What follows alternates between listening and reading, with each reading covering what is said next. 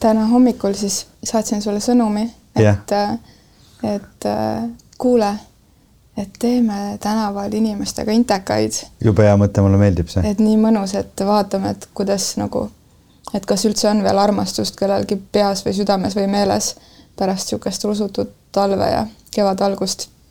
ja siis ma sain sinult sõnumi vastu, et, et noh, umbes, et kas sa aknast välja ka oled vaadanud, et ilm on täiesti pöörane. Ja noh, selle peale, et ma aknast välja vaatasin, tunduski suurepärane idee. no ja kui ma siis astusin õue siis see tuul pidi mu ära viima ja, ja jäine vihm tagus näkku. ja siis ma mõtlesin, et kui keegi praegu mikrofoniga tuleks ja küsiks midagi armastusest, siis ma vist oleks väga okkaline. ja, ja ma vaatasin äh, oma siit stuudioaknast välja ka nägin umbes neljasaja meetri kaugusel ühte jopes kügelevat inimest, kes jooksis hästi kiiresti üle selle Telliskivi väljaku ja mõtlesin, et meil läheks siin ikkagi tundi ja tund aega, et äh, kedagi kätte saada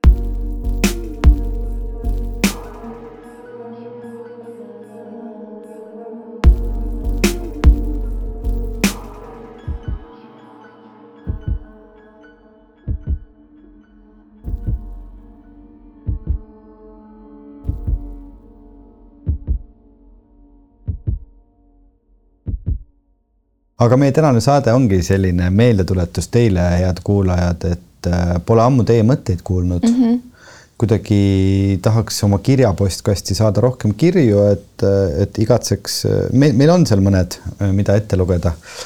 aga et neid võiks olla ikkagi lademetes. niimoodi, et ärkad hommikul üles, on jälle kümme uut meili, keegi on saatnud oma armastusest mõne toreda loo sest et noh, mis meie siin ikka räägime, rääkige teie ka oma lugusid, olgu need kurvad lood või olgu need vähem kurvad lood, et ähm, ja noh, eks sul õigus ole, et praegu ongi paras aeg kontrollida eestlasi, et äh, kuidas mm -hmm. see mhm. talv on äh, nendele mõjunud. kuigi jah, jah, vaadates õue, siis täna on tõesti raske kontrollida, sest et enamus inimesi on kuskil endal urgu peitu läinud, aga no see kevad ongi selline, eile oli ju kohutavalt ilus ilm no mitte nüüd kohutavalt, aga õudselt ilus, ütlesin ma õigesti? jaa, ütlesid. ma õudselt ilus õigesti, mitte õieti. no vot mm, ja siis äh, ma mõtlesin alustada äh, võib-olla sellest, et vaadata korraks ka iseendale otsa, et äh, mis see mis, mis see kevad meiega teinud on, et võib-olla, võib-olla ka täna meie põhikanali kuulajad võiksid natukene saada mm, aimu meie sellist nagu Patreoni vaibist, et mis, millised saated sinna aeg-ajalt kukuvad, et me oleme täna Elinaga jälle kahekesi siin äh, minu stuudios, sellepärast et ilm on tõesti selline, et äh, kõik on kodudes ja, ja keegi ei tahtnud selle vihmaga välja tulla. täpselt nii läkski. tead, mis no. minuga on juhtunud no. äh,. täiesti imelik, vaata, kui me Patreonis viimane kord vestlesime oma maahommiku teemalises äh, saates mm, -hmm. no siis see maahommik ongi esiteks minuni jõudnud. ma ei tea, mis see on, eelmisel aastal äh, juba ma üritasin aknalaua peal kasvatada no mingeid lihtsaid asju, tead, kogu minu see, kogu minu see asi sai alguse ikkagi piparmündist, sest mul on mingisugune selline piparmündi igatsus talviti ja kevadeti on mul piparmündi igatsus. suvel kaob see vahel ära, aga me võime pärast mõnest sinu taimeigatsusest rääkida. aga selle piparmündiga on, on mul kogu aeg olnud sellised äh, nagu kahtlased lood, et ta nagu tõmbab enda poole, nagu sirelgi tõmbab enda poole. kuigi ma ka seal viimases maahommiku saates ütlesin, et ma enam sirelitest kunagi midagi ei räägi, siis äh, nähes üleeile ühte pilti, pilti, kus üks äh, neiu peitus sireljookse taha, siis mõtlesin, aa hea küll, ma võin ikkagi nüüd see aasta ka nendest sirelitest natukene rääkida, et see on äh, normaalne. sirelid, sirelid, sirelid. aga see piparmündi igatsus ja, ja ma olen veetnud mitu suve Naissaarel seoses äh, Nargen festivali ja kinoteatri suvelavastusega ja loodetavasti läheb, läheb nüüd see suvi ikkagi niimoodi, et me saame ka selle ühe uue asja välja tuua, mille me pidime juba eelmine aasta välja tooma, aga keegi ju ei tea, äh, mis suvest saab veel hetkel, aga ärme sellest räägi. aga seal dirigent Tõnu Kaljustel on äh, selline pruunidest hööveldamata laudadest kuur, mille kuuri ühe külje peal kasvavad siis piparmündid. Ja seal Naissaarel nägi iga õhtu välja niimoodi, et seal on selline köök, põhiline istumine toimub õues. no aga noh, vahel need Eesti suveööd ei ole ka kõige soojemad, et seal etenduse lõppedes kell on äh, juba sihuke kümne paiku, kui meil tuuakse veel õhtusöök sinna juba hämardub, eriti augustis ja siis noh, öösel ikka õhtul paned jope selga. Ja siis äh,, siis me korjasime värsket piparminti, tegime ka õhtul piparminditeed, suured kannad, siis valad seda kruusi, jood ja vot sellel piparmündil kohe on nagu mingi sihuke, tõmbab kuidagi sind niimoodi chilliks. ja vot ja siis, äh, siis ma üritasin eelmine aasta aknalaua peal piparmünti kasvatada meie Maahommiku saate kuulajad Patronist juba teavad, kuidas see mul läks, ei läinud mul mitte kuidagi, selle tulemus oli täielik null. Ja, ja see aasta on mul praeguse seisuga aknalaua peal piparmünt, till, lehtsalat, jääsalat äh,, lavendel, pane tähele, kollased minitomatid, tšilli ja rukkililled oh,. Wow. jah. Lõpp oli ootamatu. lõpp oli ootamatu ja õue aknalaua peale lähevad veel metsmaasikad ja saialilled. ma olen väga üllatunud, et Veiko on täna nii kuidagi keskmes ja õnnelik ja, ja selline nagu nii positiivne, ma olen ammu oodanud sellise Veikoga kohtumist, ma kõigepealt tänan selle eest ja ma mõtlengi nüüd seda, et. Äh, ma lihtsalt ütlen vahele ka, ma räägin, kuidas selleni jõuda. okei okay,, aga ma mõtlengi praegu selle peale, et kas, kas see tõde, mis minu elus on nii kaua mind tüürinud, on jõudnud ka Veikosse, et taimed kuidagi aitavad sul paremaks inimeseks saada või nendega koos kasvamine, sest et praegu tõesti siin Veiko stuudios, ma olen ka näinud fotosid tema koduaknalauast, aga Veiko stuudios, nagu te kõik teate, et, et Veiko kuusetuled käivad plaksuga ja ja, ja siis Veiko ütleb, et Siri või Alexa või ükskõik, mis tegelane tal on, ütleb, et tee nüüd seda ja siis kõik, kõik toimub niimoodi juhitud teel. et siis Veikol on siin ka selline taimelava, mis näeb välja väga futu, aga väga kuidagi sümpaatne. tulede all on sellised nii-öelda, see näeb välja nagu selline, nagu punamütsike hakkaks vanaema juurde minema futukorviga ja siis need taimekesed on sealt äh, oma augukestest pea välja pistnud. ja nii kui ma siia sisse astusin, siis Veikol oli ka kohe selline kuidagi tere, nii tore. ma olen täiesti lummatud ja siis äh, sinu piparmündi jutt siia algusesse. tead, mina olen, äh, mul tuli eile tegelikult, äh, ma käisin ühes kohvikus korraks, sest et mina olen see, kes joob umbes mingi üks kord nädalas või noh, oleneb niisuguse äh, väikse cortado, kes ei tea, mis cortado on kohvi mõttes, siis see on selline nagu ma ei tea, visuaalselt niisugune mehine nagu pitsi täis. nagu kui keegi kujutab viinapitsi ette, see on nagu niisugune suurem pitsike, klaasike. aga mis seal on siis espresso? ja siis on nagu sörtspiima. okei okay aga. midagi lihtsalt nagu espresso natuke piima peale või see piima vahustatakse, soojendatakse kuidagi. ei, mul tehakse ikka sinna pilt ka peale, aga ma ei tea, mis see tähendab, ma ei oska kohvijuttu rääkida. ei, sa ei peagi oskama, ma just mõtlesin, et kas lihtsalt, ikka vahustatakse piima. vist jah okay., aga ma saan aru ka seda, et kuna mul üks lähedane inimene on kohviga rohkem seotud, et, et see on ka midagi sellist nagu piima venitamine mitte vahustamine. Mm.. ehk et kui sa lähed kuskile kohvikusse ja kuuled seda häält sellest äh, kohvimasinast, kui hakatakse seda piima justkui vahustama ja, ja siis on niisugune, siis on nagu, siis ei ole väga hea, siis ei ole väga hea kohv selle piimaga, vaid see peab olema niisugune nagu natuke rahulikum hääl, ehk et toimuks piima venitamine. No idea, mis see päriselt tähendab, aga mm, ma olen mm, kuulnud. ja võid, võid igaüks võib edasi uurida, mida see tähendab aga nüüd mul läks mitu juttu, et äh, räägin korraks kohvist ja siis jõuan, tuleta mulle meelde, et ma jõuaks siis äh, piparmündi või teiste taimedeni.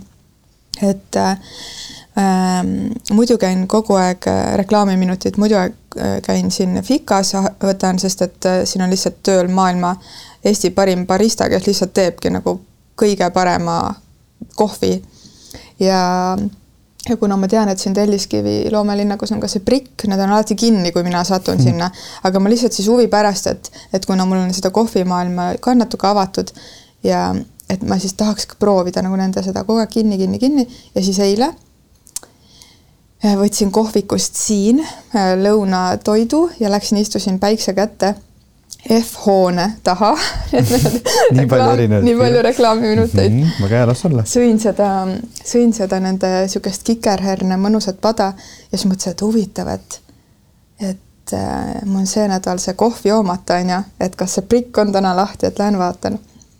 ja läksin sinna.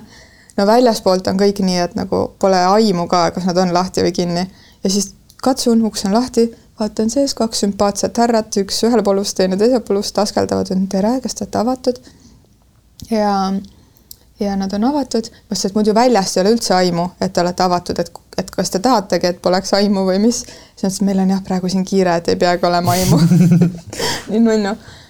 no minu jutud lähevad pikale, onju, aga astusin sisse, ütlesin, et palun üks cortado ja siis ta küsis, et mis see cortado on sinu jaoks, ma ütlesin, ma ei tea, et seal fikas lihtsalt tehakse see, mis, mis nagu, mis on õige.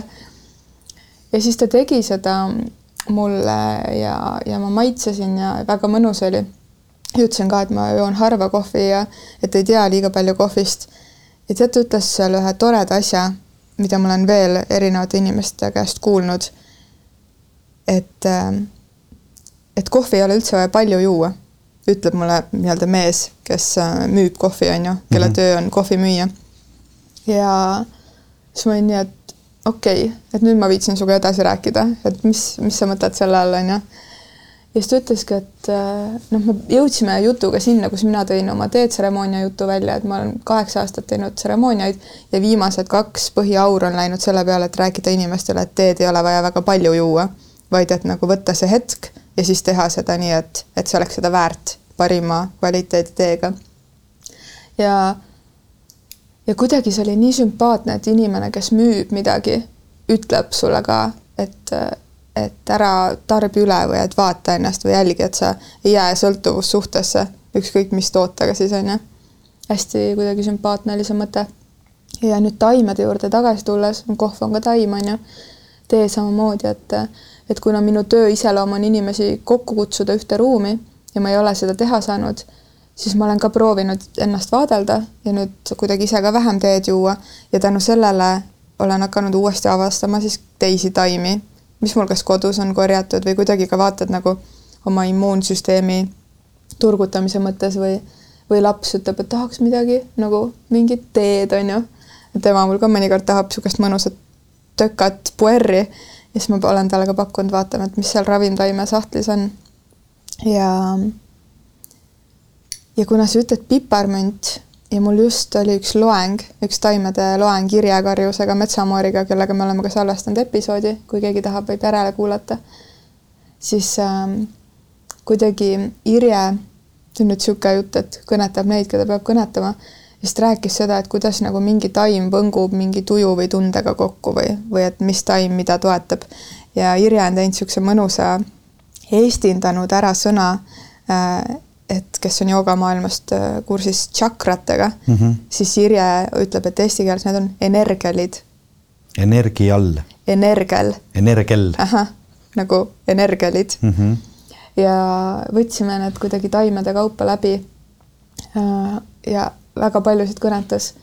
ja siis, kui ma mõtlen, et siin nüüd on mul sihuke Veiko, vaata, kus me jõudsime Pika Telliskivi selle reklaamijutuga piparmündini tagasi ja see on Veiko, kes räägib kuidagi piparmündist. see paneb mind nii kuidagi naeratama. ja kui sa ütled, et see piparmünd kuidagi nagu rahustab, siis kas sind kõnetab ka mõte, kui rääkida taimeenergiast, et ta justkui nagu kustutab ära midagi, mis on olnud või kuidagi teeb mingi niisuguse restardi, et aitab nagu justkui puhastada või mingisuguse, mingisuguse jada lõikab läbi ja nüüd siit sellest hetkest hakkab uus, uus minemine. võin alla kirjutada sinu mõttele mm.. et seda, seda ka Irja rääkis. et kuidas mõnikord ongi, et tahad kuidagi, võid lillevett pihustada, kui tahad kuidagi, et ma ei tea, energia muutuks, kes kuidas kodu puhastab, on ju nii et äh, jaa. kas see tähendabki siis seda, et sellel külmemal perioodil sa oled kodus ka praegu piparmünti rohkem joonud? ja no mul on tegelikult see piparmint ei ole mingi uus tegelane minu elus mm, -hmm. ta on seal kogu aeg olnud lihtsalt äh, vaata, teda saab tarbida erineval kujul, et kas sul on kuivatatud piparmint mm -hmm. või sul on värske mhm. piparmint mm, -hmm. need on kaks erinevat asja. ja ma olen see talv ja sügis tarbinud äh, külmutatud piparminti. jaa, ma tahtsingi öelda, et sügavkülmapanek on täielik avastus mm. -hmm. sest sealt on ka lihtne ta kuidagi, kui nad on korralikult kuivad lehed, siis sa võtad sealt, nad ei jää tükki ega midagi, võtad sealt need oma lehed, pistad klaasi ja on palju parem kui, kui kuivatatud. aga ma äh, tulles hästi suure ringiga tagasi nüüd kuskile sinu selle jutu juurde, et näed, kui huvitav, et äh, nüüd on tulnud taimed sinu ellu ja oled hakanud neid vaatama, et tegelikult äh, need taimed on olnud kogu aeg. lihtsalt vahepeal lõikab linn, vaata need taimed läbi ja mm -hmm. siis mhm. hakkad siin linnas otsima seda äh, seda moodust, et kuidas äh, need mõned hetked oma ellu tagasi tuua, et ma olen ikkagi õnneks olnud selline, sellise lapsepõlvega inimene, kes, kellel on kaks vanaema ja kellel on siiamaani veel kaks vanaema ja kellel on kaks maakohta ja kes on mõlemad olnud ja on äh, rohenäpud. Äh, eriti mu siin see Tallinna lähedasem vanaema ja kes on isegi kõiki aiasaadusi nagu müütanud turul ja, ja kelle kevaded näevadki välja niimoodi, et algab kuskil jaanuaris-veebruaris juba niisugune suur ettekasvatus, kus tuur, suur terve elutuba on neid tomatitaimede kaste mm -hmm. täis ja need lambid põlevad ja ja see on ka mingi kummaline mälestus lapsepõlvest, et siis noh, nõukaajal ja siin üheksakümnendatel olid sellised suured mingid valged, noh, tänapäeval need LED-lambid, mingid yeah. väiksed pisikesed, mingid toredad, aga ma mäletan seda ka, et sihuke veebruar-märts maal olev suur elutuba oli sellist külma sini, sinakat valget valgust täis, kõik oli natuke nagu teistmoodi ja kõik oli siuksed nagu rohelised taimed kerkivad kuskilt mm -hmm. ja õues on veel lumi ja mingid sellised mälestushetked. ja, ja üleüldse noh, kogu see, kogu see taimestik, mis seal, mis seal maal ümberringi aias ka kasvas, aga no mis mulle ei meeldi, mis mul siiamaani ei meeldi, võib-olla varsti hakkab meeldima, lapsepõlvest saadik on olnud rohimine. ma lihtsalt jälestasin rohimist. mul on kaks õde ka ja siis meil oli ikkagi vanaemaga kokkulepe, et ma olen nõus ükskõik mida tegema, aga ma ei suuda rohida. ma lihtsalt ei suuda. sest et mul see tunne, kuidas see muld läks küüne alla, mul tekkisid külmavärinad. ma ei suutnud lihtsalt, see kuiv muld küüne all mm -hmm. nagu rõve ja siis mind pandigi lilli kastma ja taimi kastma ja kastekanne vedama ja kive korjama ja kruusa vedama ja puid saagima ja no kõike neid muid asju siis peale rohimise. sest et äh, see on üks, üks tüütuse tipp, siis ma vaatan neid Eesti vanaemasid, kelle nagu päevast päeva ükskõik, kõik neid, kõiki neid maavanaemasid kelle kõikide suvede nagu põhiasend on niimoodi, et eh, perse on taeva poole ja nägu on maa poole, eks ole, kummargi kuskil või siis kõplevad seal vagude vahel ja, ja tõmbavad neid libesid välja. ma mõtlen, et see on ikka meeletu töö, mida nad teevad, et nad jaksavad seda teha, et nad viitsivad seda teha, et see, kui mina oma aknalaua peal oma kaheksa potitaimekest eh, poeväetisega aeg-ajalt üle lasen, siis see on ju nagu palju orgaanilise poeväetisega, ma ütlesin sinna vahele. lihtsalt mul ei ole seda hobust, kes sinna laseks seda, kuigi seda saab ka osta. seda saab ka osta. ma tean, ma tean, ma tean, aga ühesõnaga kõik on hästi. They are alive.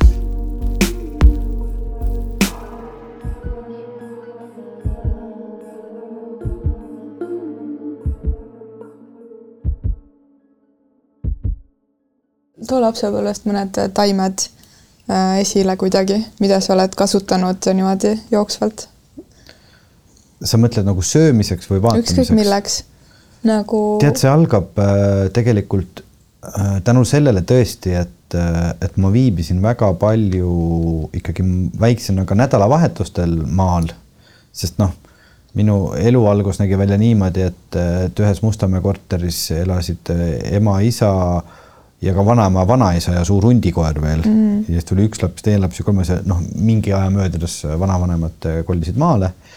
aga noh, siis käidi ju ikkagi esimestest äh, lumesulamise ilmadest kuni esimeste lumehunnikuteni ju iga nädalavahetusel maal nendele abiks, sest et äh, ega siis, kui ju kui poest midagi saada väga ei olnud, et kõik see kartul ja juurikad ja kõik tuli ju, kõik tuli sealt ja mm -hmm. meil mhm. oli isegi Mustamäe rõdule ehitatud niisugune hiigelsuur puust kast, kus all, põranda all olid lambipirnid ja seal sees olid kartulid, see oli kartulikast, et see soojendas talvel vaata neid, no see kast mm -hmm. oli nagu rõdul õues mm. -hmm et siis oli alati niisugune suur kartulikast, kuhu kevadeks olid jäänud niisugused pikad poolemeetriste idudega kartulid järele, aga, aga just äh, kõik noh, kõik need kõige esimesed lilled, mis sul tulevad, noh, lapsena sa vaatad eriti lilli ju.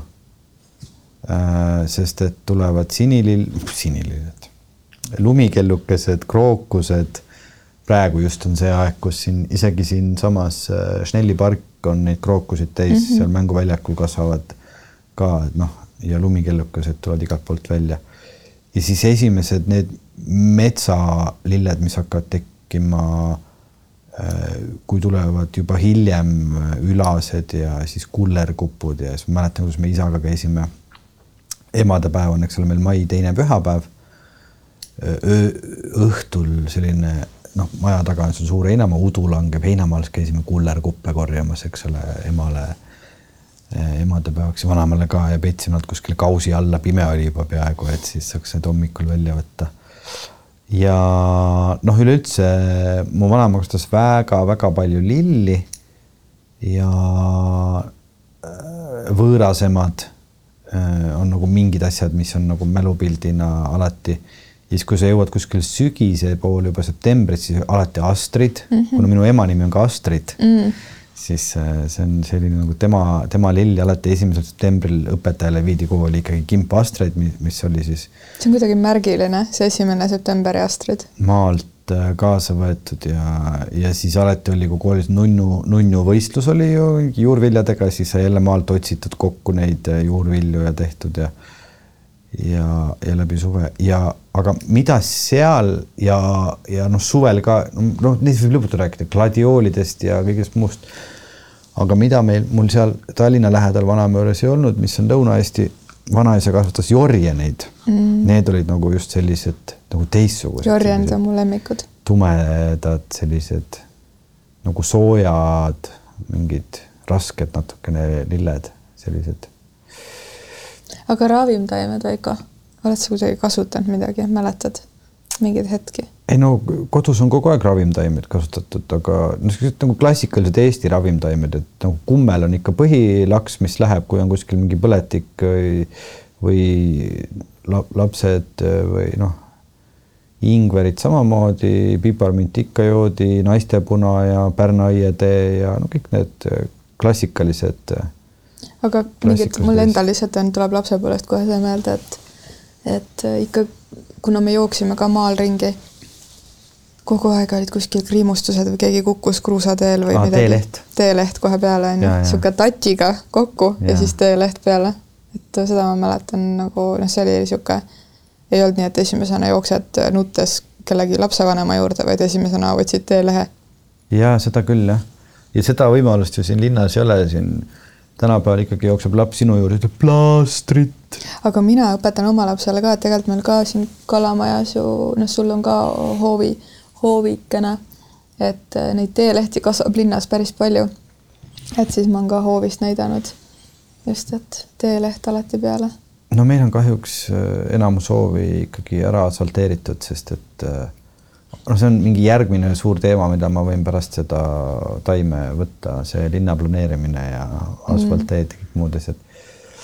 aga tulles siis taimede juurde tagasi, teeleht jah, see on mingi selline asi, et et see on küll meeles ja siis teine asi, mida ma mäletan põhiliselt oli vana-vanaema vana mingi rohukapp, kus mm -hmm. oli nagu pudelite viisi, no ma kujutan ette, et need olid ju aastakümneid vanad seal ja ma ei tea, aga iga mingi teise asja, suurema vigastuse puhul mär-, määriti joodi mm.. sihuke kollased äh, laigud olid pärast äh, jala peal.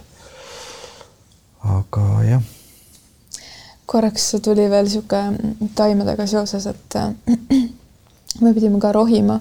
minule ka ei meeldinud rohida, ma mäletan, et kuna meie pere naabritega koos kasvatasid veel maal neid porgandeid nagu müügiks mm, -hmm. et siis äh, ja mõni koht ostis siis neid nagu puhastatud porgandeid, et pidid kooritud olema mm.. ja ma mäletan, et nagu, et seda koorimist mingi hetk nagu mina pidin ka seda tegema, et see oli midagi niisugust, mis nagu kuidagi noh, see ei ole mingi hea emotsiooniga meeles.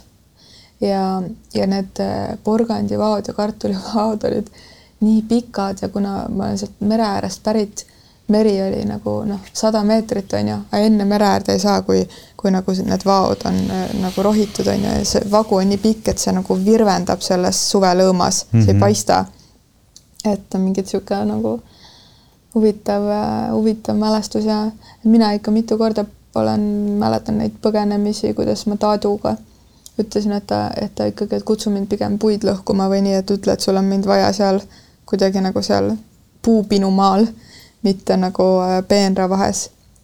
ja aga mul tuli seoses porganditega meelde see ja nüüd see on minu lapsepõlvemälestus ja siis see Irje loeng hiljutine et, ähm, et äh, porgandid oligi nii, et kui neid harvendati ka, on ju, sa tõmbad need sealt välja ja võtad nendest porgandi rohelistest pealsetest kinni ja siis tõmbad vastu muru puhtaks.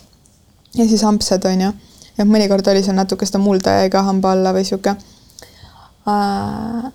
Ja Irjega nüüd rääkides ta ütleski, et see on nagu hästi oluline asi, mida teha.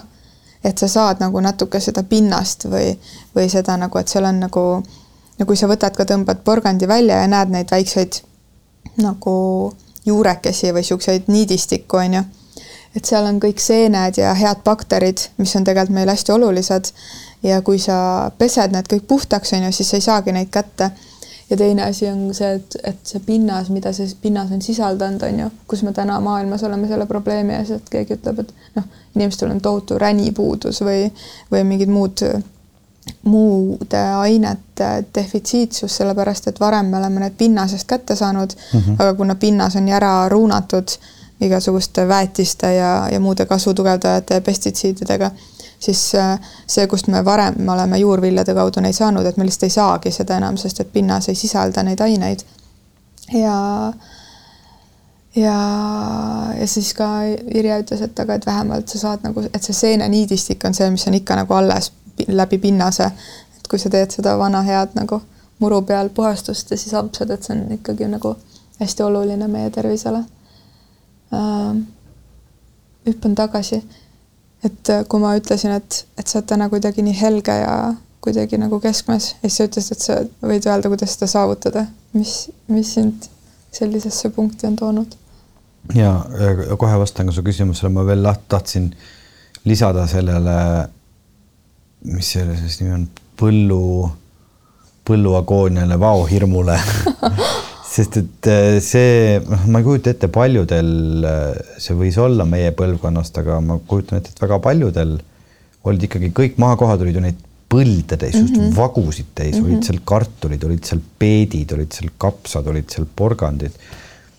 ja noh, nüüd on mul maal äh, see koht, kus vanasti oli lahmakas põld, on nüüd niisugune suur niidetud muruväli, kus saab umbes diskgolfi mängida, tead, seda nii nagu kergendav vaadata praegu, aga teisest maakohast ma mäletan ka seda, et äh, mulle noh, lisaks äh, kõigele meeldib, meeldib, meeldis lapsena kohutavalt lugeda. Äh, hästi palju lugesin, ma ikkagi lugesin niimoodi, et, et ma võisin ka talvel kooli minna Mustamäelt kesklinna lugedes niimoodi, et ma kõndisin bussipeatusesse lugedes, siis istusin seal bussis ja lugesin. Siis kõndisin selle Estonia juurest sinna kahekümne esimesse kooli samamoodi raamat käes lugedes. see oli väga tüütu, kui lund või vihma sadas, sest et ei saanud lugeda. ja siis äh, teised läksid äh, põllule kõik, see seal äh, Tartumaal maakohal see põld oli eemal, sinna pidi autoga sõitma mingi paar kilomeetrit käis seal ikka mingi viis, neli-viis tundi ja siis mina istusin uhkes üksinduses seal maal kassiga majas ja lugesin Pinnetood indiaanlastest. ja seesamane lugemise mingisugune klikk, ma otsustasingi mingi umbes kuu aega tagasi, mm, et, et ma muudan nagu mõned harjumused oma elus ära Äh, ma vist mõnes mõttes sain inspiratsiooni, me juba natukene rääkisime seal Patroni maahommiku saates sellest. Ja siis, äh, siis ma olen olnud ikka õhtuti nagu sihuke Netflixi inimene mm, -hmm. et seda on nagu lihtne tarbida. ja, ja see tuleb sulle seda tuhandetes kätte ja ma olen nüüd õhtuse Netflixi asendanud äh, raamatuga. nii tore. ja ja hommikul tõusnud ka natuke varem üles ja need esimesed pool tundi täitnud ka raamatuga mm.. ja üritanud ka seda nii-öelda nagu me rääkisime ka seda, et seda nutitelefoni ei kasuta enne magamaminekut ja pärast äh, ärkamist. ja ma arvan, et see mõjub väga positiivselt. Mm, selles mõttes, et äh, just nagu rääkideski ajust et see, mida sa tarbid vahetult pärast äh, und või enne und, et see ikkagi nagu kujundab sind inimesena. ja kas sa tarbid äh, nagu mingit kiiresti monteeritud äh, action Netflixi mingisuguseid asju või, või sa loed omas tempos mingit aeglast raamatut ja saad hoopis nagu teistsugust valgust endale silma ja teistsuguseid mõtteid ja sa nagu oled oma kujutluspildis, mitte sa ei ole selles kujutluspildis, mida sulle pakutakse, et ma arvan, et see on nagu üks suur asi, äh, mis, mis sellel äh, kevadel on olnud teemas mm. -hmm. Ja, ja ma nagu lõpuks äh, tellisin ka endale kuskilt joogapoest ühe mõnusa mati ja, ja teen ka õhtuti iga teine päev nagu siis kodus seda pool tundi trenni, nagu sa käskisid mm. või mitte ei käskinud, vaid ütlesid, et äh, et tegelikult see on nagu mingi kolm korda ja sa saad sellest ma ei viitsi asjast üle. ikkagi mõnikord ei viitsi, aga siis tegelikult äh, nagu see kolmkümmend minutit on, äh, on nii lühike aeg, et see leida, et selle põhimõtteliselt leiab, leiab. see pigem vist ei ole ikkagi nagu leidmises, vaid valik on ju, et see on nagu minu prioriteet. jah, ja okei okay,, ütleme ka selles mõttes, et see praegune olukord on mul seda võimaldanud teha, sest mul on ikkagi olnud ka perioode, kus, kus ma tegelikult ei saa seda valikut teha, sest et äh, mul on noh, üks töö ajab teist taga. Ja noh, ma tihti olen teinud ka seda, et, et noh, et et siis mul on nagu kaks prioriteeti, mul on siis nagu prioriteet number üks on, on lastega tegelemine ja prioriteet number kaks on töö et siis need nagu raamatu lugemised ja trennid jäävad sinna kolmandasse levelisse mm -hmm. ja, ja lihtsalt vahel on tööd nii palju ja sa ei taha lastega tegelemist võtta aega, et siis sul see töö läheb kuskile õhtusse. ja jah, nii ja, ja nii edasi. Aga, aga jah, et see, see kasvav piparmint aknalaual on nagu üks komponent äh, kogu, kogu selles, äh, kogu selles asjas, aga jah, et nagu äh, valgust õhku vähem ekraani ja, ja rohkem äh, nagu iseendaga tegelemist ongi, ma arvan, kõige lihtsamad asjad, millest me niikuinii oleme kogu aeg rääkinud, millest kõik inimesed ümberringi kogu aeg räägivad, aga aga sellest nagu peab rääkima, sest et äh, no, nagu need töötavad asjad. arva, mis taim minul on, on aknalaual kasvamas, ta on alles, alles, ta pole võib-olla ühe sentimeetri pikkune, aga noh, neid on nagu, ta on niisugune nagu, neid on palju, neid taimi ma arvan, et see on Everi arve ära ka vist paku äh, mingi selles mõttes nagu kui ma mõtlen Eesti peale, siis ma mõtlen, et jah, see on mingi niisugune, mida Eestis kasvatatakse. Tegelikult isegi ei ole Eesti oi,. oi-oi, ma ei tea äh,, ma pakun midagi su pisike ja palju-palju, no muruse ja happuoblikas, ma ei tea hea pakkumine. esiteks happuoblikat on Eestis lihtsalt no, kuskil suvalise põllu peal. lihtsalt mõt-, ma ei saa hakata banaanipuu pakkuma, avokaado, ma ei tea. tead, sa, kui ma ütlen, võib-olla sa isegi ei tea, pole kuulnud ka mm., et on ühed kõrrelised, nimi on pampa. Ei tea jah. et kui sa lähed siit alt ka Telliskivi loomelinnakus on see kaktuse pood on ju, lähed sealt mm -hmm. läbi, siis ähm, need on, pannakse mõnikord lillekimpudesse või ta näeb välja nagu ta oleks justkui nagu pilliroog, aga niisugune pikk, hele mm -hmm. ja niisugune nagu rebase saba või niisugune mm -hmm. sihuke kõrraline. ja siis äh, ma mõtlesin, ma proovin Hiiumaale panna pambataimed kasvama, et oleks niisugune nagu eksootilisem, natukene nagu pilliroog, et äkki hakkab kasvama mändide all. Ja teine asi taimede, siis noh, täna on taimesaade, et mm -hmm. taimedega edasi minnes ma pean ostma umbes kakskümmend kuni kolmkümmend mägimändi miks? sellepärast, et äh, on äh, krunt on mere ääres ja seal on kuidagi nagu niisugused nagu kidurad, väiksed, täiesti ära, üleni ära kuivanud kuused mm. -hmm. ja ma ei ole neid kõiki maha võtnud, sest nad ikkagi on nagu tuulevarju tekitavad või niisugust. ja nüüd ma otsustasingi, et, et natuke on neid juba maha võetud, aga et noh, ongi kohe tuulele on rohkem teed, et panna sinna, tekitada niisugune nagu natuke madal, aga tihedam mingi niisugune, et selle kuidagi rinnuni, rinnuni tuule võtaks ära, aga et näeks ilusti mere äärde, et tuleb niisugune suurem mägimändide istutamine, no ma tean, et see võtab aega, nende kasvamine. Ma kunagi oma nana juurde Lääne-Virumaal olen ühed mägimännid istutanud. Need on juba tänaseks päris suured. aga ma otsustasin, et, et kui pead vaatama, kui, kui ehitamise ja kõige niisugusega nii palju raha läheb nagu kõik, kõige peale, siis ma sain aru, et seda mägimändide ostmist ei saa edasi lükata, sest et nagu nemad vajavad päriselt aega, et mm -hmm. kasvada, nii et tuleb niisugune siin igasuguste muude väikeste click and grow asjade juures tuleb mul osta. ma isegi ei arvanud, et need ei mahu mu autosse ära, aga tuleb üks niisugune mägimännisõit. mingi järelhaagise rentima siis? jah, kui ma oskan seda osta, oskaksin järelhaagisega sõita ainult otse, ma tagurdada ei oska, see kuidagi liigub, vaata kuidagi nagu. aga kas sa pead tagurdama?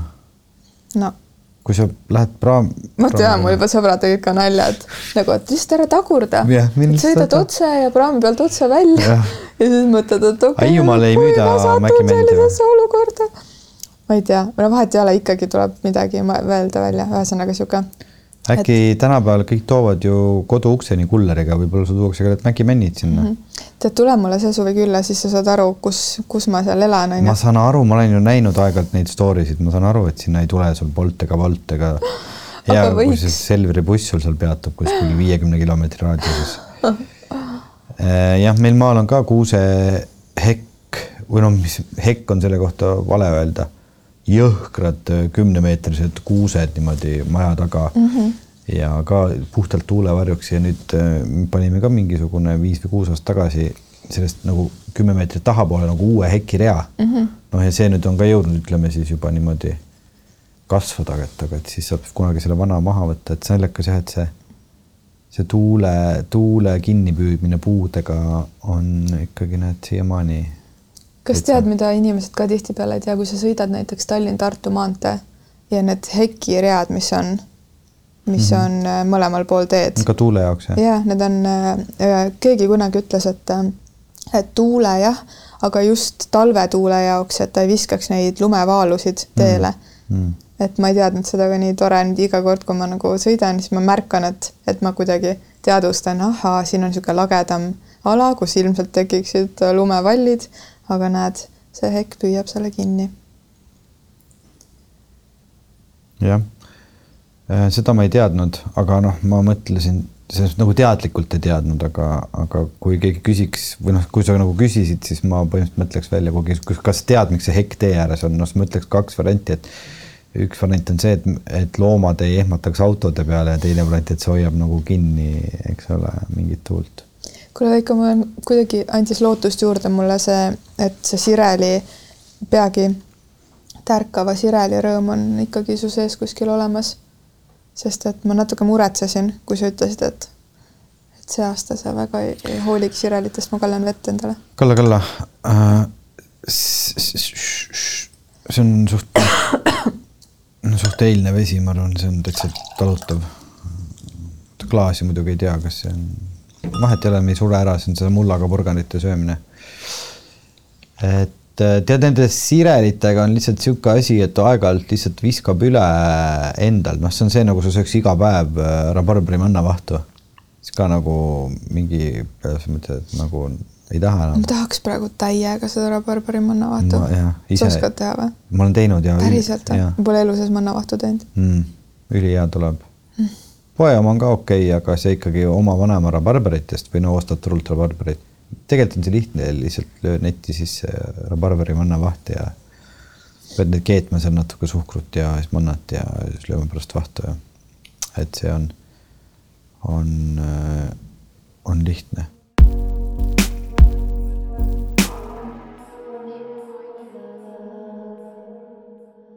selle sirelitega on ju endiselt see asi, et mul seal, me oleme sellest siin saates ka varem rääkinud, et mul seal aianurgas no ma nüüd, ma ei tea, ma nüüd ootan äkki see suvi siis minu sirel seal nagu viskab õid, et ta on nüüd selline noh, ütleme selline meeter.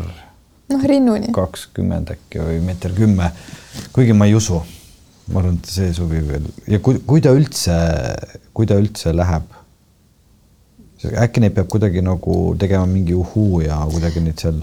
Ma lihtsalt võtsin maalt vanaisa sirelilt nagu ühe võsu mm. -hmm aga kas see reaalselt see võsu hakkab või ma pean ostma ikkagi poest? ma ei tea, minul on samamoodi võetud võsud ja mul on pandud need pottidesse, mul on Kalamaja hoovis ja need on mulle ka Hiiumaale vaja viia mm. -hmm. ja ma just vaatasin, et on pungad on juba kõik üles, kõikidel ilusti pungad on küljes ja ka huviga eelmine aasta vist neljast kaks õitsesid. Äh, nii et ma olen ka sinuga selles äh, katsetusfaasis aga samamoodi vanadest säkkidest äh, võtsime need taimed. ja no sirelihekk on ju teine asi, millega äh, inimesed on oma kodusid tuule eest kaitsnud, sest et noh, mul on maal ka niimoodi, et äh, enne seda minu vanaema maja on üks vana talukoht ja sellest ei ole mitte midagi alles. aga, aga tee ääres on niisugune suur sirelihekk no täiesti absurdses kohas selles mõttes, et see tavaliselt ei ole nagu niisuguses kohas sirelihekk, ega lihtsalt seal taga oligi see maja ja siis on seal mõned viljapuud. kui matkama minna lihtsalt loodusesse, siis nõnda leiab vanu talukohti ülesse, et äh, Soomaal on hästi huvitav. kuidagi see tundubki kõik sihuke hoomamatu märg ala või midagi sellist. ja siis kuskil äh, kunagi otsisime ühte vana talukohta seal. ja siis lihtsalt äh, trööpad mingisuguste märgala puude vahel, ma isegi ei tea, mis need on, seal võivad olla mingid lepad, kased, värgid.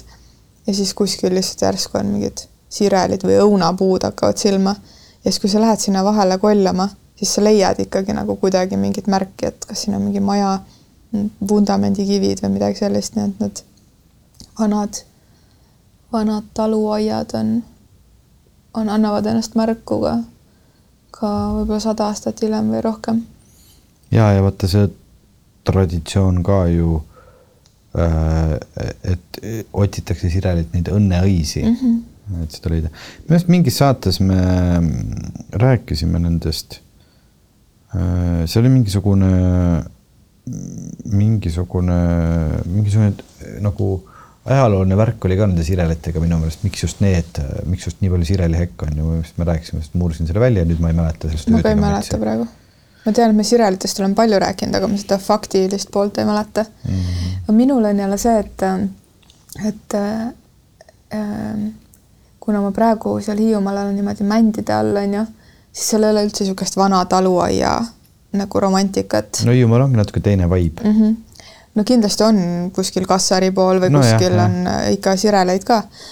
aga et mulle tohutult meeldib see, see Männimetsa teistsugune noh, see, et ma, et mul ei ole mingit muru niitmise iket. ja, ja siis äh, ma tahangi oma sirelt viia sinna pottidega, et vaadata, kas nad kuidagi hakkavad, hakkavad ka oma elu elama. ja teine asi, mis, äh, kas räägime korraks kakajuttu ka või mm? -hmm et äh, sa juba natuke tõid vaata selle kakajutu sisse, kui sa rääkisid väetamisest, on ju mm. -hmm. et äh, äh, palju olen uurinud äh, just oma plaane seal tehes ja kuidagi vaadates, et, et kuidas siis ikkagi tahaks oma elu niimoodi elada, et et kui sul on nagu autonoomne noh, autonoomne majapidamine on ju, et see ei ole Eesti Energiaga võrku ühendatud ja ja, ja kuidas siis nagu nii, et sul oleks võimalikult ka mugav ja mõnus elada, aga et see liiga palju siis seda kuidagi loodust ja kõiki ressursse ei, ei kulutaks, on ju.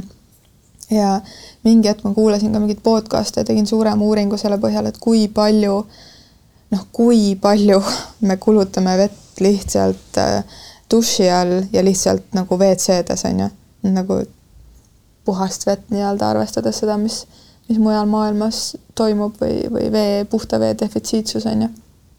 ja ja siis ma hakkasin uurima lihtsalt seda, et et jah, muidu on ka mul seal kuiv käimla, aga ma hakkasin uurima, et kas mingid nagu täitsa normaalsed inimesed, inimesed on ju, kes hoolivad kuidagi disainist ja, ja, ja ka muudest nagu sellistest nii-öelda ilust, on ju. et äh, kas on olemas kuidagi nagu kuivkäimlale, et kas keegi kinnitaks mulle ära, et kuivkäimla võib olla ka väga-väga äge asi, on ju, et seal ei ole mingit nagu paha lõhna ja kas tehakse üldse nagu umbes nagu majadesse sisse ka kuivkäimlaid, mitte selliseid, mis vanasti olid, aga nii jõudsingi nii ägedate mingite blogide ja, ja artikliteni, kuidas Californias ka mingid noh, täitsa mitte lihtsalt nagu mingid uhuu joogapüksid on ju, vaid nagu mingid ägedad mingid disainerid ja, ja pakuvadki välja neid lahendusi, et et kuivkäimla on nagu nii palju nii-öelda ressursse, noh, nii palju vähem äh, ressurssi nõudev. Ja, ja siis, mis mul käis endal ahaa ära, et kui mina seal oma kuivkäimlat siis, et mida siis selle kompostiga teha, on ju, et seda ei soovitata nagu toidule panna, seda komposti, aga et see on täiesti suurepärane ilutaimede kompost, on ju, et äh, teed, tühjendad selle ära kuskile mingisse, siis ta seisab seal mingi aeg mingi männikoorte ja asjadega koos tekib niisugune nagu see nii-öelda noh, kompostväetis on ju. ja siis ma mõtlen, et vau, et see loob ju mulle sinna Männimetsa alla võimaluse pojenge kasvatada ja mm -hmm. nagu sireleid kasvatada, et täpselt see, mille jaoks muidu see pinnas viljakas ei oleks. et, et umbes oma toidu nendesse toidukastidesse, kust kasvatada oma maitsetaimi ja muid asju, sinna seda ei pane. Aga et äh, mu ahaa-moment oli just see, et issand, kui äge, et ma saan ju neid lopsakaid taluaia, ma saan ju jorja neid panna kasvama oma kaka peale. See oli, ajas mind nii äh, naeratama. jah, siin sai siia ühte maakohta ka siin paar aastat tagasi pandud üks tehtud nagu uus kuivkäimla ka juba mingi spetssüsteemiga ka, mis kuidagi juba sealt tuleb sinna peab midagi veel panema ja siis tuleb juba, juba pool, pool, pool kompost seal välja, nii et ma neid süsteeme tegelikult on Eestis ka päris. Mhm. ma ütlen korraks vahele selle, et, et mis siis minu uuringu tulemusena on see, et Soome on äh, maailma kuivkäimlanduse liider, et ähm, mul mure oli selles, et Biolani omad on nii koledad, nagu näevad välja, ma tahaks, et see oleks mm -hmm. nagu disainikam ja ilus ja siis ma juba leidsin, et Kekkilal on hästi-hästi ilusad äh, ka need, aga jah, et Soome on kuivkäimlanduse maailmameister. jätka. ei, see minu jutt oligi, aga mulle meeldib see, et et me oleme jõudnud väljendini, mille nimi on kuiv käiv, käimlandus kuivkäimlandus. et äh, armastus kuivkäimlanduse vastu. aga tead, mulle hullult meeldivad need äh, nagu siuksed kuivkäimlad kus on ilus, mõnus, hea vaade ja no ei ole mingit paha haisu, on ju. ja lihtsalt siis nagu oled looduses nagu täiesti lemmik. kutsun kõiki üles looduses kakama hea vaatega, et eestlased ka minu, minu kuivkäimlal on, on kaks seina on suurtest akendest tehtud, vaade merele ja siis mõni inimene ehmatab ära siis ma alati ütlen, et mõtle nüüd, et miks nagu, miks eestlased on ehitanud kuivkäimlaid kuskile nurga taha, pimedad, siuksed nagu, kuhu lapsed sisse ei julge minna, kõik karjuvad, ei lähe. ja siis nagu teed ukse lahti ja siis see, et kui sa saad isegi ukse lahti teha, siis see enamasti vastab, vaatab vastu kuuriseina või midagi sellist. et see on nii oluline, et kakades oleks hea vaade. nii et kutsun kõiki. mul on ka, ka jah, mingi lapsepõlve trauma Äh, sellel Tallinna lähedase maakoha kuivkäimlast, mis asus ka kuskil seal kuuri juures, sihuke sirelipõõsaste vahel, sihukeses nagu pimeduses ka üleni pruunidest laudadest tehtud ja see oli alati ämblikke täis mm.. Ja ma käisin seal silmad kinni sest ma lihtsalt, ma kartsin ämblikke, natuke kardan siiamaani. ja, ja siis ma läksin niimoodi kui mul oli vahepeal vaja vaadata seda vetsupaberit, haarasin ühe silmaga piilusin, siis ma puhsin et siin jumalast ämbliku sees ei oleks täielik õudus. ja siis nüüd õnneks äh, on ka äh, heledad avarad kuivkäimlad, millele saab ju ka katuse panna sellest nii-öelda valgust läbi lastvast sellest Plastist. plastist, mis nagu laseb seda kõike läbi ja ja sinna saab ka ilusaid pilte seina panna, sest ma mäletan, et ähm, selles maakuivkäimlas oli ikkagi naljakaid nagu siiamaani vist seal ripub mingi aastast üheksakümmend neli kuskilt ajakirjast välja lõigatud mingi poolpalja naise pilt on seal Mm, kuskil jah. mingi kalender on sinna alla kirjutatud. aga kuivkäimlas peavad alati raamatud olema ka. et ähm, raamaturiiul peab olema vetsus, see on nagu sihuke, mis peab olema. Aa ah, jah, jah, seal ongi ja noh, vaata teine asi, vanasti ju lihtsalt, lihtsalt siristati sinna auku ära ja nüüd tänapäeval ju raputatakse seda, seda mm -hmm. turvast sinna peale või seda mingit asja, et siis see nagu katab ilusti ära ja ei ole seda haisu nii palju ja ja teine asi, mul juhtus kunagi maal see, et noh, meil on seal ka kaks garaaži ja noh, vanaisa oli suur tehnika ja autohuviline, nii et tal on need garaažid ehitatud niimoodi, et ta nagu auto sõitis nagu kanali peale Jah. et seal all oli ikkagi kanal Jah. noh, laudadesse selle lahti võtta.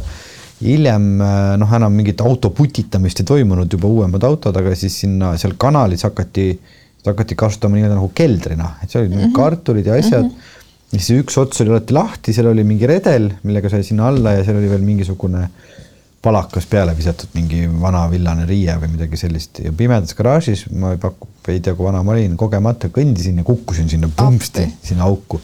midagi ei juhtunud, eks see villane riie oli, kukkumine oli võib-olla sihuke, tead, see kanal on sihuke, et täismehe pea paistab sealt välja, eks ole mm -hmm. ehmatasin rohkem ja rääkisin ka siis pärast ja siis, ja siis millegipärast tehti kogu aeg selle üle nalja hiljem, kui ma ka seal kuivkäimlas käisin, et ära sa siis sinna potti kuku, nagu sa sinna garaaži kukkusid. nii et see nagu need mingid, see trauma oli veel ka, et ma mõtlesin tõesti, et kas ma võin nagu noh, väiksema poisina, et nagu libiseda ja mm -hmm. niimoodi istud seal ja siis nagu jalad on äkki lõua all ja kukud persega sinna kakahonnikusse sisse, et et äh, soovitan jah, nagu lastes mitte tekitada kuivkäimla traumasid mm, -hmm. vaid äh, sellega saab kaasa aidata sellega, et teha ilus kuivkäimla. jah, hele värvitada heledaks, teha nagu läbipaistev katus või panna klaasaknad või äh, või mis iganes, et seda kõike annab teha, jah. kuule, aga seoses sellega, et nüüd tuli kakajutt vahele ja siis mm -hmm. jõudsime ikkagi tagasi kuidagi nende juurikate hoiustamise juurde. kas sina teadsid niisugust asja, et äh, kui see ei ole nagu hordide viisi, et sa ei kasvata tervele Eestile kartulit, on ju, vaid oma perele ainult, siis on niisugune asi, et äh, paned nagu näiteks puidust kasti või kui keegi tahab mingist suure niisugusest vahtplastist kasti, siis paned selle liiva täis ja siis paned need juurikad, mis sul on, porgandid, kartulid, kaalikad, peedid ja siis paned niimoodi liiva sisse. mina ei teadnud seda ja need seisavad üle talve, nii et sa võtad sealt liiva seest. Ma saan aru, et sa ei taha, et liiv läheb küüne alla, võib-olla keegi teine saab võtta. ei, liiv ei lähe, liiv on paksem. minu jaoks täielik ahaa, et äh, lihtsalt võtadki sealt liiva seest täiesti nagu porksi, porksi nagu ponksi välja. kas teadsid seda? Äh, kui sa nüüd ütled, siis mul nagu mingi mälupilt tuleb, et ma olen seda kuskilt näinud või lugenud, aga nagu päris teadvuses seda mul niimoodi hoiul ei ole. vot mina ei tea, miks ma nii ei ole teinud, sest ma saaksin linnakeldris nii teha. mul on piisavalt ruumi selleks, aga ma ei tea, miks ma pole seda teinud, sest mul on lihtsam võtta Rimist see kotitäis kartuleid osta ja tulla koju, süüa need ära ja siis järgmine kord, kui nisu on, osta uued. ja mul on see probleem olnud, et maalt, kui nana tahab kaasa panna, siis ma ütlen, mul ei seisa nad.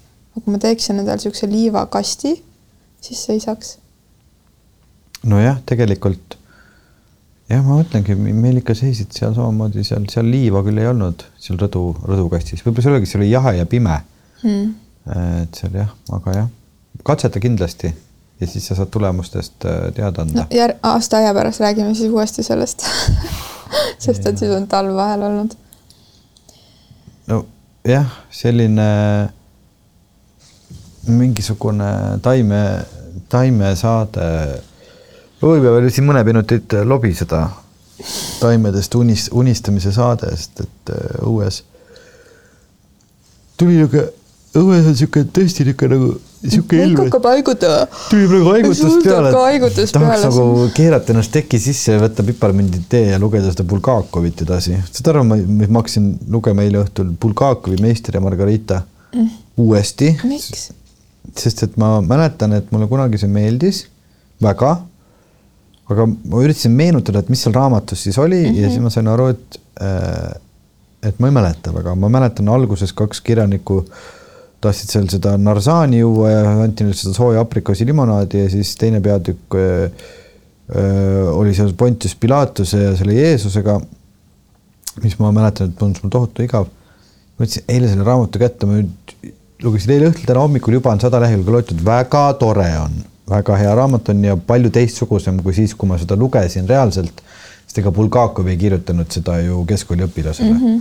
Bulgakov kirjutas selle ikkagi no, raamatuid peabki nüüd, nüüd uuesti lugema. no minu jaoks täiesti arusaamatu, kuidas, kuidas ja kuidas on olnud Tõde ja õigus koolis kohustuslik. noh, kuidas ja sellest me oleme ka korduvalt rääkinud, sellest tuleb alati samad mm -hmm. teemad, et miks on tõde õiges, aga ma olen sinuga nõus. kui et... see inimene pole küps selleks infoks, selleks noh, täiesti. kuule, aga ütle mulle, ma tahaks raamatusoovitust siia lõppu, ma tahaks ka mingit vene autorit lugeda. et äh, mida võiks lugeda, ma ei taha niisugust nagu ängi, ma tean, et vene, noh, vene autorites on alati sees nii-öelda ka varjuküljed on ju, see on okei okay., aga ma ei taha nagu niisugust nagu nüüd tohutut ängi ei tahaks, aga kuidagi midagi, mis võiks olla loetud. Äh, teate, ega ma sulle eks prompt kohe äh, niimoodi ei oskagi öelda, näiteks no seesama Bulgakovi Meister ja Margarita tegelikult on väga lõbus raamat.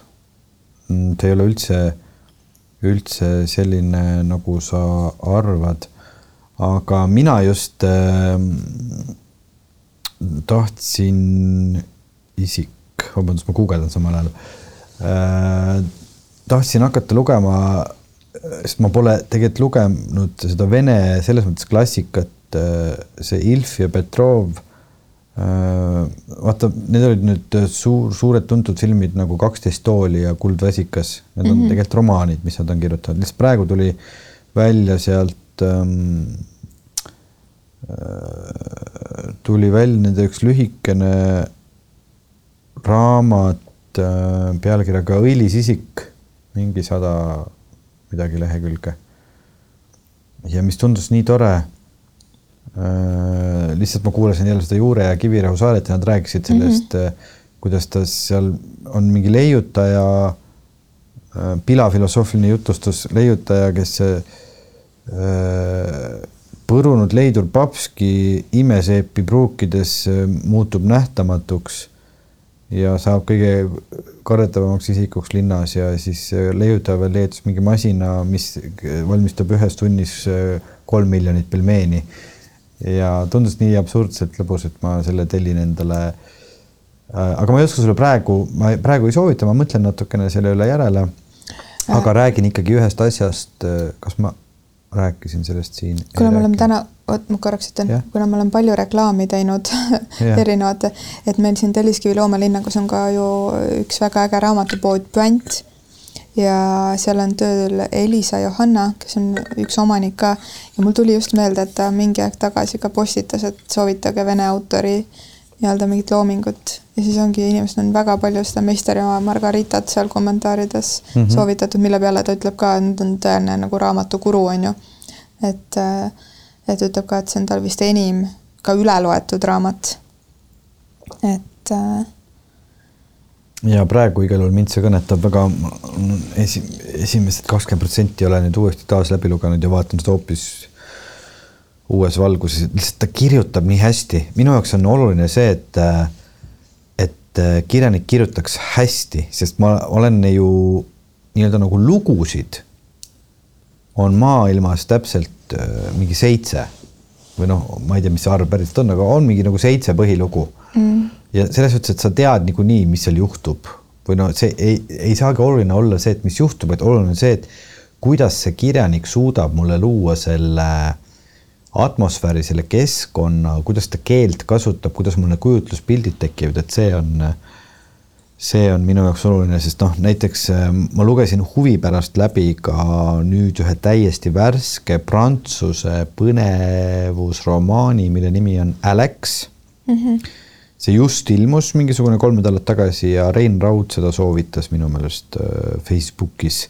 Indrek Kohv on selle tõlkinud ja ma siis huvi pärast mõtlesin, hea küll, et ma viin siis ennast nagu kaasaegse põnevuskirjandusega ka kurssi, sest et lapsepõlves Sherlock Holmes oli minu lemmik, mida ma lugesin mm. -hmm.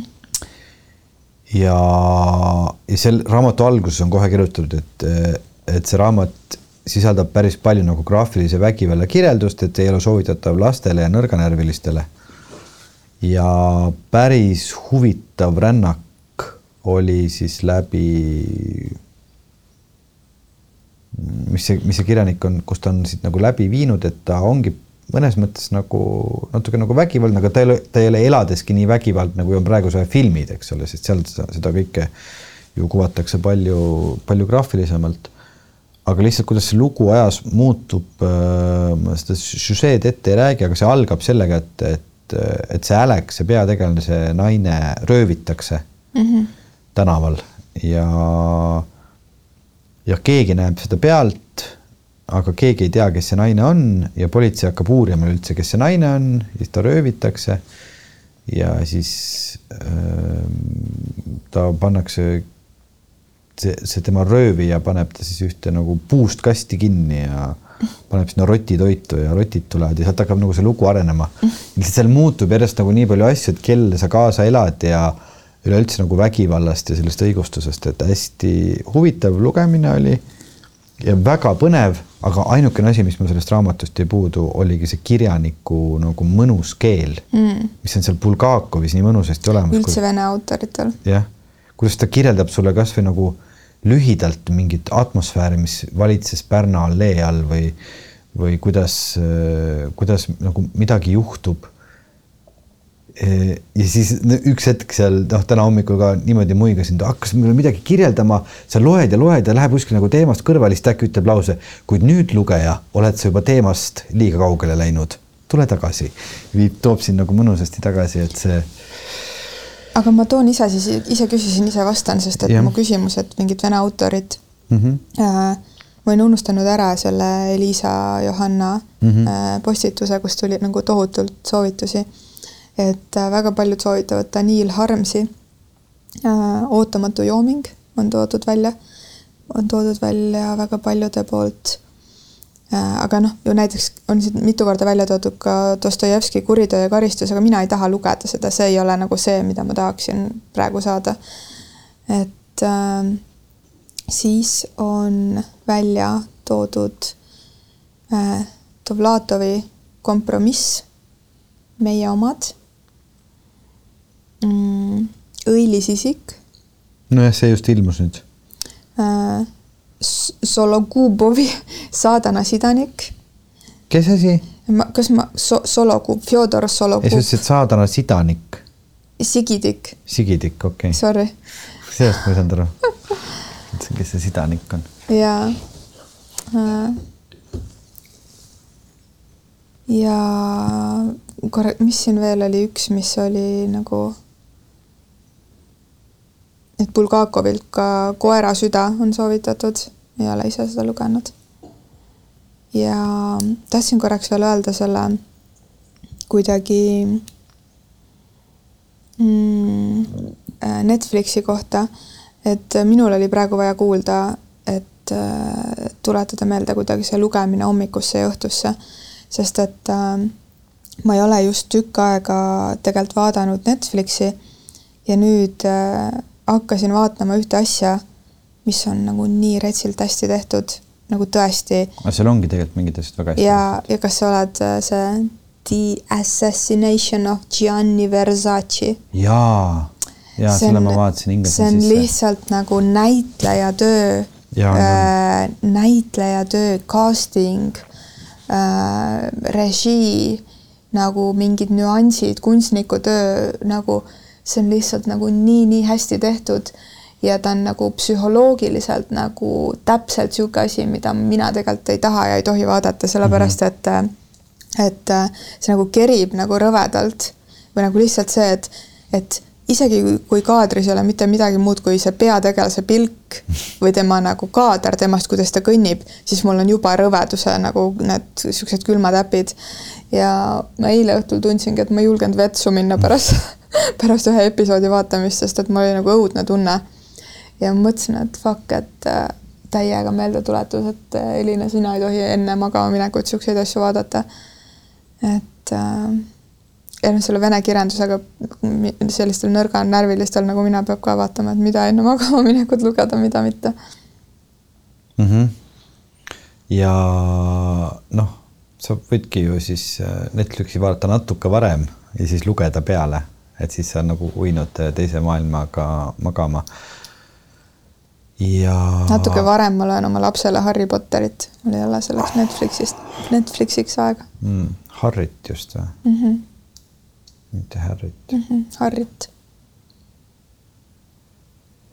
nüüd on äh, selline asi, et äh, kell on jõudnud ootamatult sinnamaale, et äh, tuleb minna alla fikasse, vaadata, kas seal täna suppi pakutakse mm. -hmm. ja siis on vaja kibekiiresti hakata seda saadet monteerima, sest et me tegelikult oleme natuke rongi pealt maha jäänud, aga see saade jõudis nüüd teieni reedel, mitte neljapäeval, aga aga kevad hoidis meid kinni ja lihtsalt oligi huvitav, istusime diivanile, ei teadnudki, millest äh, rääkima hakkasime, aga tuli juttu nii taimedest kui kakast kui kirjandusest, nii et mm -hmm. midagi siukest. kevad ja kaka.